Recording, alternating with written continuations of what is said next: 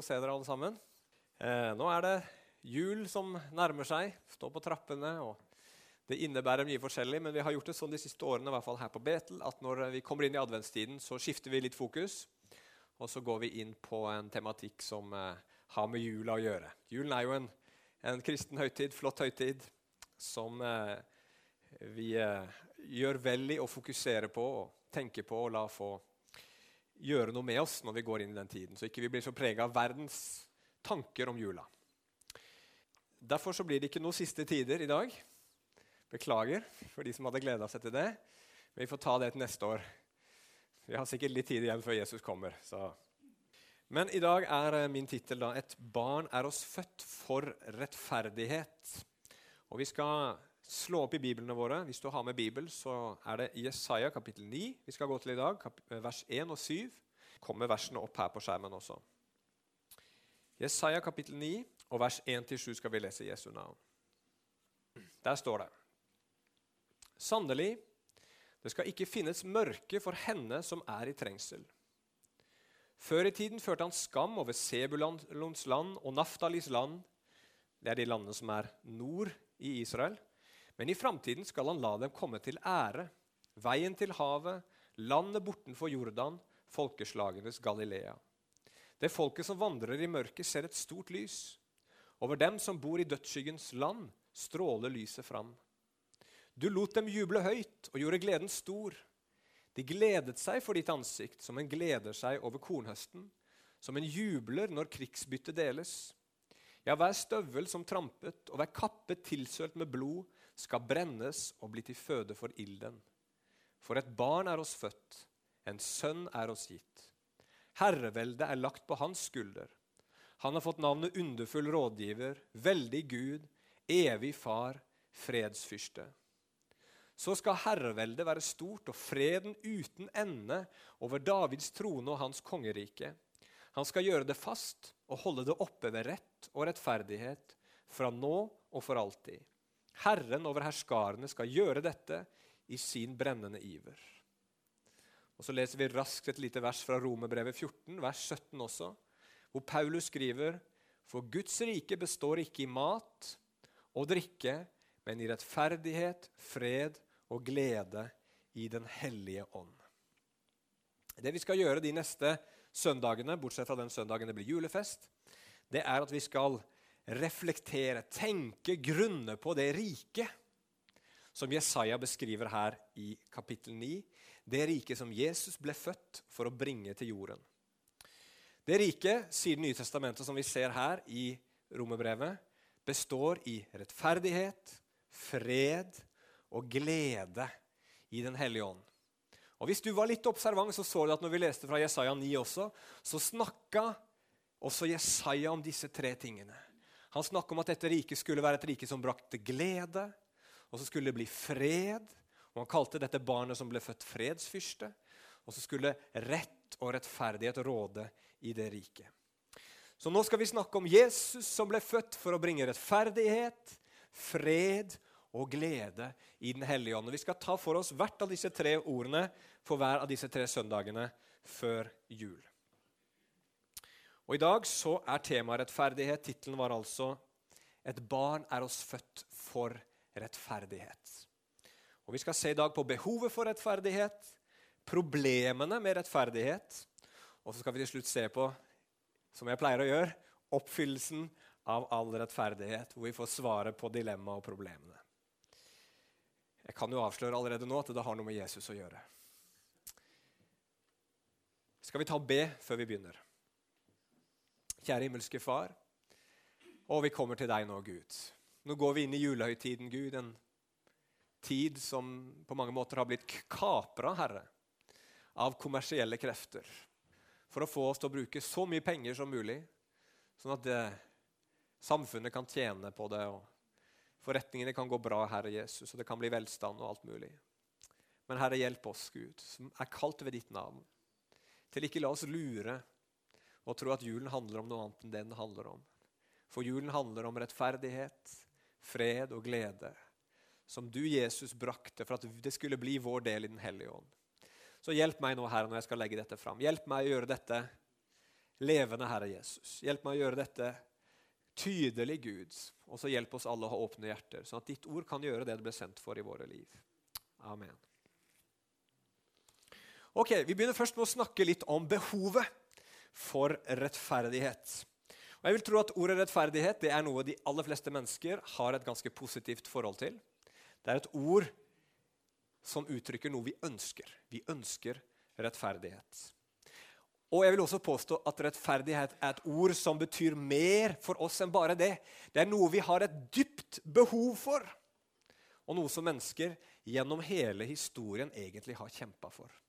Og Bare de siste 100 årene så har vi sett f.eks. den franske revolusjonen. Hva handla det om? Jo, det handla om frihet, likhet, brorskap. Det var rettferdighet de kjempa for, selv om ikke det ble så veldig bra. alt sammen. Arbeiderbevegelsen handla om å bedre arbeidernes vilkår og utjevne forskjellene i samfunnet. De ville ha rettferdighet. Kvinnebevegelsen handler om rettferdighet, like rettigheter for kvinner og for menn. Borgerrettsbevegelsen med Martin Luther King jr. i spissen i USA handla om rettferdighet for de, for de svarte i sørstaten i USA. Og Vi kan komme på mange mange flere sånne eksempler fra både nylig og gammel historie. Og når vi ser på vår egen tid også, så er det nok sånn i veldig stor grad at det politiske partier og, og bevegelser kjemper for, handler veldig ofte nettopp om dette her rettferdighet. Rettferdighet i verden, rettferdighet i vårt land, rettferdighet nå. Men fascinerende nok, når jeg forberedte meg, så gikk jeg inn og så på nettsiden til Det store norske leksikon. Og Der skriver artikkelforfatteren at det ikke finnes noen allment akseptert definisjon på ordet rettferdighet. Og Så forklarer han litt forskjellig hva som er problematikken. Men kort sagt så kan vi bare si det her. Vi vet ikke helt hva rettferdighet er, men vi vet at vi trenger det. Vi vet ikke helt hva rettferdighet er, men vi vet at vi må ha det. Vi trenger det. Men hva i all verden er rettferdighet, da? Jo, vi er heldige. Vi har en definisjon. En allment akseptert definisjon. En definisjon som gjelder for alle mennesker på hva rettferdighet er. Eh, og Den bibelske definisjonen på rettferdighet den ligger i Gud selv. Gud, vår Gud, han er rettferdig. Og han er hele jordens lovgiver, og han er hele jordens dommer. Og Det står i Salme 97 at rettferdighet og rett er Guds trones grunnvoll. Gud er standarden for rettferdighet. Han er den som rettferdighet kommer ifra, og han har åpenbart det for oss gjennom sin lov, gjennom sitt ord. Her har vi definisjonen på hva som er rett for mennesket, hva som er rettferdig. Og Ikke bare er Gud opphavet til rettferdighet, men de gode nyhetene i Bibelen er også det at Gud er den som skal bringe rettferdighet. Han er den rettferdige dommeren og som skal gjøre alt helt rettferdig helt til slutt. Men hva er rettferdighet? da? Jo, I hovedsak i Bibelen så er rettferdighet to ting. For det første så er det det vi kanskje lett tenker at rettferdighet er, nemlig at det er dom og det er straff over ondskap. Det er at alt det som har blitt gjort galt, skal straffes, og det skal gjøres opp. Det skal holdes regnskap. Men det andre som kanskje er litt mer overraskende, men som er veldig tydelig i Bibelen, det er at rettferdighet også handler om Guds oppreisning av alle offer for ondskapen. Rettferdighet handler ikke bare om å straffe de onde, men rettferdighet handler om å reise opp alle de som har blitt ødelagt, som har blitt undertrykt, som har måttet lide under andre menneskers ondskap. Og Derfor står det f.eks. i Salme 146 om Gud og hans rettferdighet at han lar de undertrykte få sin rett. Han gir de sultne mat. Herren løser de bundne. Herren åpner de blindes øyne. Herren reiser opp de nedbøyde. Herren elsker de rettferdige. Herren tar vare på de fremmede. Han letter byrden for den farløse og enken, men han gjør veien kroket for den ugudelige. Og Når du leser Det gamle testamentet, så ser du at denne standarden er den standarden for rettferdighet som både forventes av herskerne i denne verden, og som også forventes av hvert eneste menneske. Det er nemlig å opprettholde lov og rett og samtidig vise barmhjertighet mot de svake og de nedbøyde i samfunnet. Så I Daniels bok for eksempel, så kaller Daniel, frimodig som han er, verdensherskeren Nebukadnesar til omvendelse. Det står i kapittel 4 vers 27. Og Der sier han til denne fyren som, som har makt til å ta livet av ham med bare et enkelt ord, så sier han, 'Derfor, konge, ta imot mitt råd.' Riv deg løs fra dine synder ved rettferdighet og fra dine misgjerninger ved barmhjertighet mot fattige. Da skal din fred vare. Så i Det gamle testamentet, Det å, ville, å bli kalt for rettferdig i Det gamle testamentet, det bygger på disse to prinsippene her. Et rettferdig menneske i Bibelen er ikke bare da en som holder sin sti ren, men også et menneske som bruker sin posisjon, sin rikdom, sine ressurser til det gode for samfunnet rundt seg, og spesielt med tanke på de svake.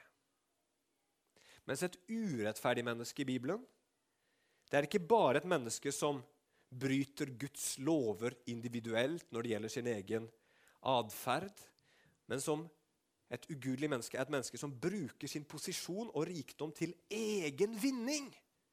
På bekostning av samfunnet rundt, og spesielt på de svakeste. Og det er interessant, for Bibelen fremmer egentlig ingen sånn fullstendig politisk teori. Men du ser her at det vi kan lese om rettferdighet i Bibelen, både er, har elementer i seg som vi kan finne på høyresiden og på venstresiden i politikken. Og så ser vi at begge deler også har en brodd mot både venstresiden og høyresiden i politikken. Og det er fordi at politikk og journalistikk og mye av det som engasjerer mennesker i samfunnet i dag, handler nettopp om rettferdighet. Og vi ser at uh, begge disse bibelske elementene er mer eller mindre til stede. Vi vil at rett skal være rett. Vi vil at skyldige skal få sin straff. Men vi vil også at de svake, de som faller utenfor av forskjellige grunner, skal få oppreisning. Og Det virker som vi som samfunn i Norge er mer opptatt av en del av disse tingene nå enn vi var for en del år tilbake. Og, og, og, og Nylige undersøkelser har vist at den politiske engasjementet og interessen har økt i Norge i det siste. Og samtidig så har vi mindre tillit enn vi har hatt på lenge til både journalister og politikere i dette landet. her. Hvorfor det? Jo, jeg tror det har med det neste som Bibelen også beskriver, nemlig at det fins problemer med rettferdighet. Vår lengsel og vårt behov for rettferdighet er fylt av en masse problemer. Det er problematisk. Jeg har jo allerede sagt at Vi vet jo ikke helt hva rettferdighet er. Det er et problem. Og så vet vi også det at det er vanskelig å få rettferdighet på den jorden, fordi vi vet ikke alt. Ting skjer i det skjulte. Vi kan ikke se det som skjedde da ingen vitner var der og så. Vi kan ikke se det som befinner seg i et menneskes hjerte. Vi kan få av forskjellige grunner feilaktig informasjon, og dermed så blir den uskyldige dømt skyldig noen ganger. Og den skyldige blir dømt uskyldig. Og så har man også med syndige mennesker å gjøre i denne verden, sånn at rettssystemer som skal fungere for å skape rettferdighet, kan bli fordreid. Retten kan bli fordreid ved bestikkelser eller ved at dommeren er partisk av forskjellige grunner. Og så er det også sånn at I et samfunn så er det ikke alltid sånn at den urettferdigheten som er i et samfunn, alltid handler om én gjerningsmann eller én bestemt gruppe. Noen ganger så oppstår det systemer i samfunn som gjør at noen faller utenfor og blir undertrykt. I den gamle verden så var slaveri en del av samfunnet. Det var noe som hele samfunnet var avhengig av. Det var noe hele samfunnet ble bygd på, men som førte til at mange mennesker ble undertrykt pga. det. Du kan også være offer for dårlige valg som andre har tatt. Veldig ofte så er de som har gjort en del dumme ting, også mennesker som har opplevd at deres foreldre eller mennesker i deres nærhet har gjort ting imot dem. Som har forma dem og gjort dem slik de ble. Men disse foreldrene og disse andre hadde kanskje andre mennesker også bak dem som gjorde at de ble sånn som de ble. Og Noen ganger så havner mennesker bare i helt umulige situasjoner pga. tilfeldigheter. Og så havner de i en situasjon som kan kvalifiseres som urettferdig. De har ingen muligheter for å komme seg videre i livet. Hvem skal da holdes ansvarlig? Hvem skal da betale? Og hvordan skal man hindre at noen utnytter systemet i en sånn situasjon? Og så finnes det også veldig mange eksempler på at jakten på rettferdighet Når vi vil for enhver pris ha rettferdighet, så fører det til enda mer urett. Jeg nevnte arbeiderbevegelsen her. Dere kjenner sikkert til Karl Marx, kommunismens far. Han så på alle disse undertrykte arbeiderne på begynnelsen av 1800-tallet, som hadde lite lønn, de hadde lite rettigheter, de hadde ikke noe særlig håp. Og veldig mange av dem ble kynisk utnytta av mennesker med makt og posisjon. Utnytta i sin sårbare posisjon. Det var tilfellet, og det pekte han på. Jeg tror han hadde rett i mye av analysen sin. Men løsningen til Karl Marx, kommunismen, førte til desto mer urett. Det var et ønske om rettferdighet, men det ble urettferdighet. Og de, mest, eh, de laveste anslagene på hvor mange mennesker som er døde pga. kommunismen, ligger på ca. 100 millioner. Noen snakker om kanskje det dobbelte. Søk etter rettferdighet! Vi skal ha rettferdighet! Og så flyter blodet. Franske revolusjon er et annet eksempel på det. Men det handler litt om ditt liv òg. Altså, når du blir utsatt for urett Det har sikkert alle sammen her inne på en eller annen måte opplevd. Kanskje noen grov urettferdighet, kanskje i andre tilfeller litt mindre urettferdighet. Men vi har alle sammen opplevd urett. Hva gjør du da? Hvis du er fullstendig maktesløs og du kan ikke gjøre noe med de som er over deg, hender det da noen ganger at vi da sparker nedover? Fordi at vi blir utsatt for urettferdighet, så føler vi at vi er rettferdiggjort i å ta det litt utover de som vi kan ta det utover. Eller når du har muligheten til å ta de som er over deg, handler det da for deg og meg om rettferdighet, eller handler det om hevn? Hvorfor er rettferdighet så vanskelig for oss? Hvorfor får vi det ikke til? Hvorfor er det så flyktig? Og hvorfor blir det sånn at når vi kjemper for den, så blir det mer urett? Jeg tror problemet kan oppsummeres i dette her. Vi vil veldig gjerne alle sammen ha, urett, eh, ha rettferdighet over ugjerningsmenn. Vi vil at de skyldige skal bli dømt. Vil vi ikke det? Og vi vil så klart også ha oppreisning for oss selv og andre når vi har blitt utsatt for andre menneskers ondskap og urettferdighet. Da vil vi ha rettferdighet. Men problemet er at vi ikke evner å ta inn over oss som mennesker at uretten er veldig levende i ditt og mitt hjerte. Uretten bor her inne i hver enkelt av oss.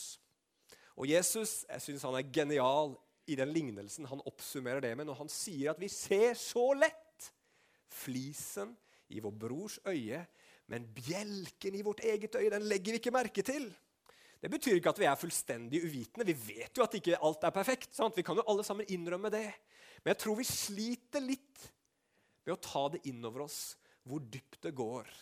Og Derfor har vi fantastisk mange strategier for å hanskes med urettferdigheten i vårt eget hjerte. Vi kan skjule den ved å minimere den. Si ja, men 'det var ikke så ille'. Alle andre gjør det jo. Vi kan lyve. 'Nei, det var ikke meg'. Noen, noen er gode på det. De kan se deg midt i øynene og si 'det var ikke meg'. Og så var det de allikevel. Eller vi kan få en rettssak på det og lyve så det renner og skaffe oss en god advokat, sånn at vi blir frikjent. Yes, jeg hadde rett. Jeg fikk det gjennom, bevist at jeg hadde rett. Selv om egentlig så var vi skyldige. Annen måte å gjøre det på at vi prøver å endre spillereglene. Prøve å endre lovverket i landet eller, eller de moralske oppfatningene. Sånn at det jeg gjør, skal plutselig bli greit og akseptert. Eller vi legger skylda på andre. Det er ikke min feil at det er sånn. Det er foreldrene mine. Du skulle bare visst det hjemmet jeg vokste opp i. Ikke rart jeg har blitt sånn som jeg har blitt. Eller samfunnet populær, eh, populært å skylde på. Og Mange ganger i, men i menneskehetens historie har vi funnet en gruppe mennesker som vi gjør til syndebukker. Jødene har dessverre vært en syndebukk mange ganger. Det er deres feil. Alle problemene i samfunnet vårt og våre problemer kommer av dem. Det er ikke vår feil, det er de som er problemet. Eller når vi merker denne uretten som er levende i oss, så gjør vi godt, og så engasjerer vi oss mot andres urett for å lette litt på vår egen samvittighet. Det er en annen strategi vi bruker. Vi involverer oss i religion og ritualer. Gjør alle disse tingene som vi tror skal rense oss. Eller så går det også an, og det er faktisk en del mennesker som gjør dette samfunnet her, vi piner eller forakter oss selv. Vi tenker at vi på en eller annen måte kan sone vår synd hvis vi bare lar noe dårlig eller ondt gå utover oss selv, enten fysisk eller psykologisk. Og Vi kan se det litt i vårt eget samfunn med den forakten vi har for oss selv som samfunn. Forakten for våre verdier, forakten for Vesten, som fins i vårt eget samfunn. Hvorfor forakter vi oss selv så mye her i Vesten? Jo, fordi vi føler en skyld over våre fedres synder og hvordan samfunnet var før i tiden. Og dette her, og, og, og mer til sikkert som ikke jeg kommer på her og nå, det er det som Bibelen kaller å rettferdiggjøre seg selv. Prøve på en eller annen måte å gjøre noe med den urettferdigheten, den synden, den ondskapen som vi merker i våre egne hjerter. Og prøve på en eller annen måte å sone for den, betale for den, gjøre opp for den. Få det til å være sånn at jeg er ok. At alt er i orden med meg. Og vi vil gjerne også at verden rundt oss bekrefter oss i det. Men det fungerer aldri helt. Det fungerer kanskje en stund, og så kjenner vi oss stolte og overlegen og begynner å trykke ned og gjøre vondt mot andre mennesker. Eller så merker vi at vi får ikke den roen og freden som vi ønsker og lengter etter. Og så blir vi ikke noe forandra. Vi er de samme, og vi gjør de samme feilene om igjen og om igjen. om igjen. Og C.S. Lewis han sier det veldig bra i en bok som heter 'Se det i øynene', side 64, hvis dere vil slå det opp.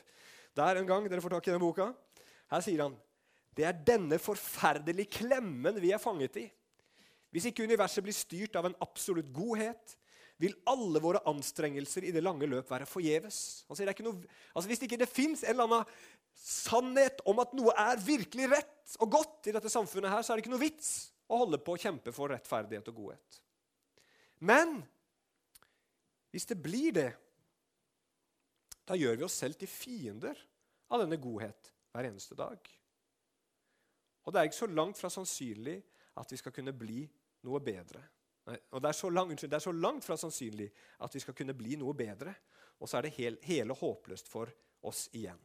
Vi kan verken greie oss uten den eller med den. Altså Rettferdighet er noe vi trenger, det er noe vi må ha. Og Samtidig er rettferdighet noe som er et stort problem for oss. Som uh, U2, U2 heter det, ja, sang for en, en stund tilbake. I can't live with or without you. Og Sånn er det med rettferdighet. og Vi kan ikke leve verken med eller uten rettferdighet. Og Hva er håpet da for oss mennesker? Fins det håp? Ja, håpet fins i Bibelen, og det er i dette barnet som ble født, som vi leste om i stad. Og Han skal bringe et evig rettferdig rike, og det skal vi snakke om litt til slutt, under oppfyllelsen av all rettferdighet. Når vi kommer til Det Nye Testamentet, og dette barnet, Jesus Kristus, Jesus fra Nasaret, blir født, så får historien en ganske overraskende vending. Døperen Johannes han står fram. Den historien kjenner sikkert mange. Og Han begynner å forkynne at himlenes rike er nær. Det skal komme. Og Derfor må mennesker begynne å vende om. Og Så døper han disse omvendte personene i Jordan til syndenes forlatelse. Og Så står det i Matteus 3, vers 13-17, noe ganske spesielt. Da dro Jesus fra Galilea til Jordan, hvor Johannes var, for å bli døpt av han. Men Johannes ville hindre ham og sa, 'Jeg trenger å bli døpt av deg, og så kommer du til meg.' Men Jesus svarte og sa til ham, 'La det nå skje, for slik er det rett av oss å oppfylle all rettferdighet', sier Jesus. Da lot han ham komme. Da Jesus var blitt døpt, kom han straks opp av vannet, og så himmelen åpnet seg for ham, og han så Guds ånd fare ned som en due og komme over ham. Og se, fra himmelen lød det en røst som sa, 'Dette er min sønn, den elskede, i ham har jeg velbehag'.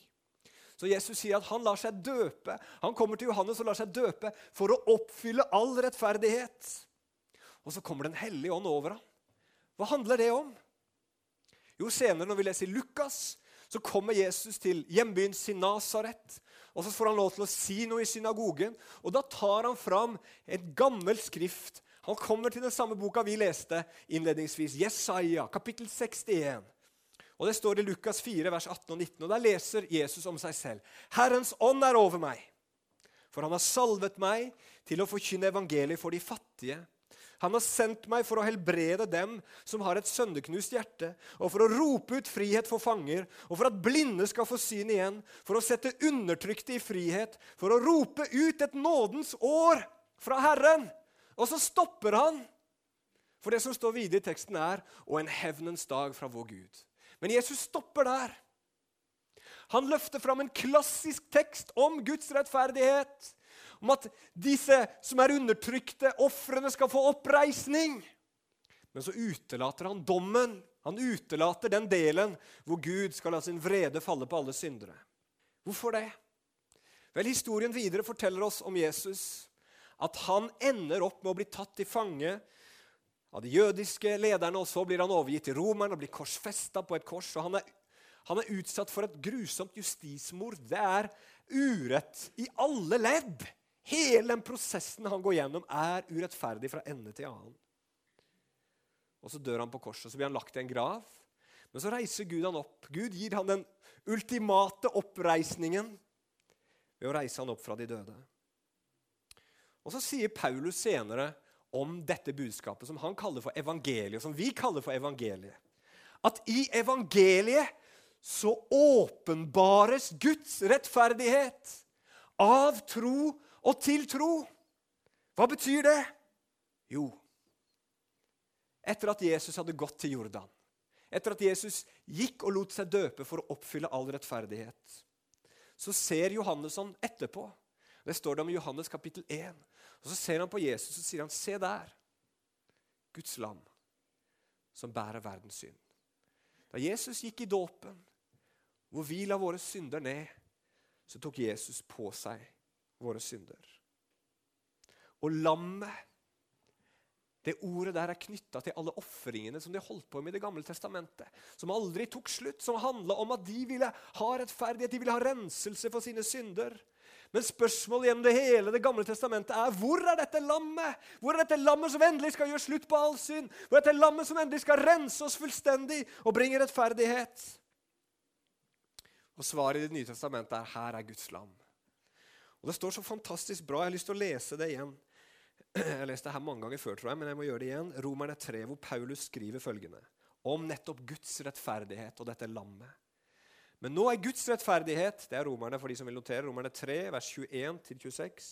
Men nå er Guds rettferdighet, som loven og profetene vitner om, det er det vi har snakka om nå, blitt åpenbart uavhengig av loven.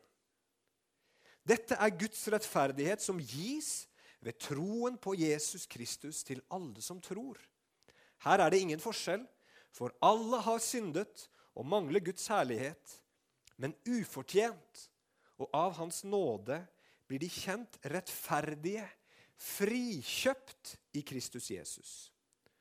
Og så sier han han har Gud stilt synlig fram for at han ved sitt blod skulle være soningsstedet for dem som tror. Her sier han at Jesus var et sonoffer. Jesus var lammet. Slik viste Gud sin rettferdighet. For han hadde tidligere i tålmodighet holdt tilbake straffen for de synder som var begått. Men i vår tid vil han vise sin rettferdighet, både at han selv er rettferdig, og at han kjenner den rettferdige som tror på Jesus. Hva er det som skjer her? På, på hvilken måte bringer dette at Jesus døde for vår rettferdighet, for vår synd, unnskyld, så vi skulle bli rettferdige. Hvordan bringer det rettferdighet til en verden som er så desperat i behov av det? Jo, her er saken. Vi mennesker, når vi roper om rettferdighet, så roper vi om lovens rettferdighet. Og lovens rettferdighet den er rett, og den er god. Men lovens harde justis er nådeløs. Den er nådeløs. Er du en synder, har du synda, har du gjort det som er galt, så er du fordømt av loven. Derfor står vi alle sammen fordømt.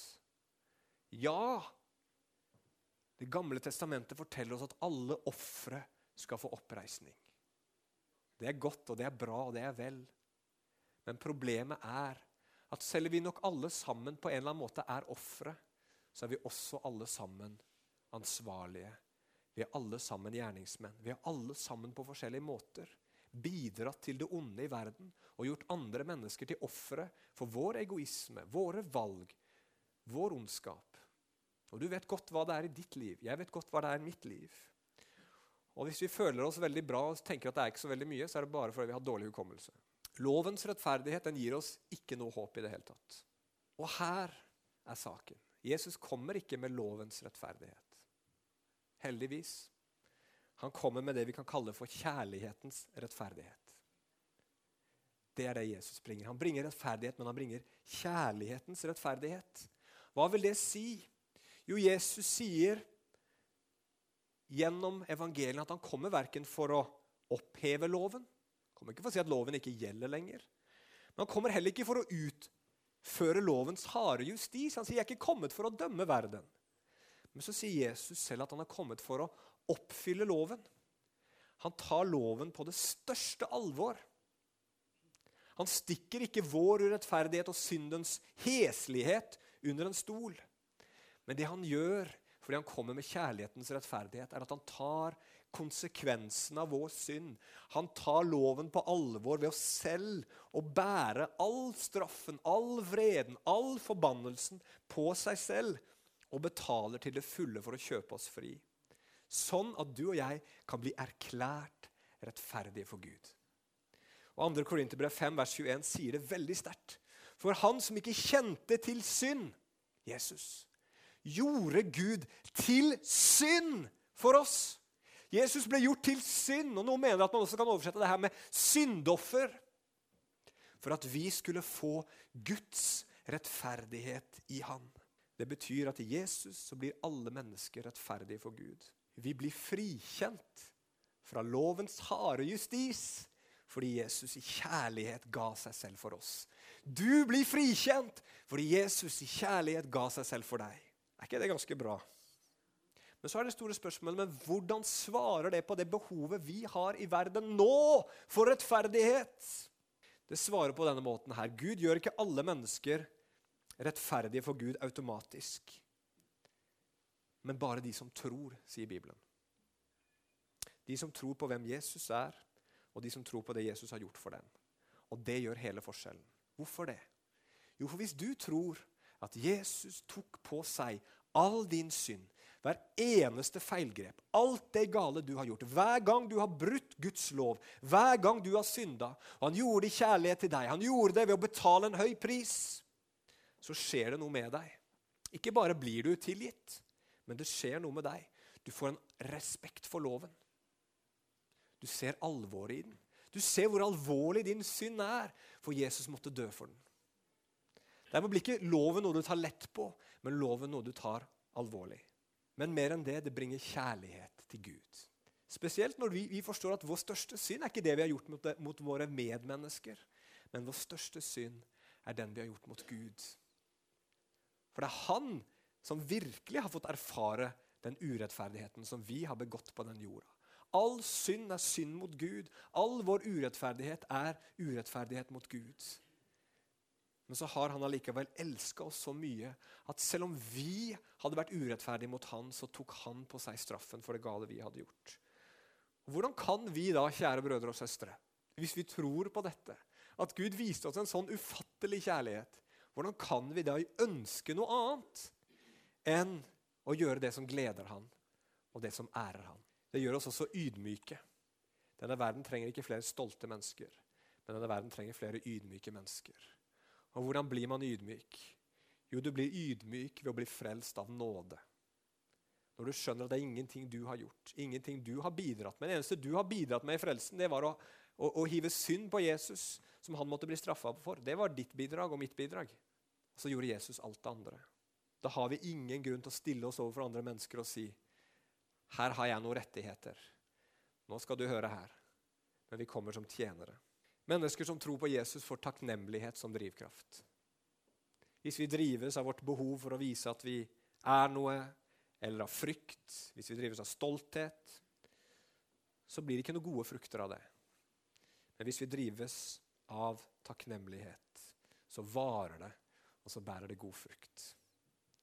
Vi gjør ikke det gode for å bli frelst, men vi gjør det gode fordi vi er frelst. Vi elsker ikke andre mennesker for å bli frelst, men vi elsker andre mennesker fordi vi er frelst. Vi gjør det ikke for å få noe, for å fortjene noe, men fordi vi allerede har fått noe ufortjent.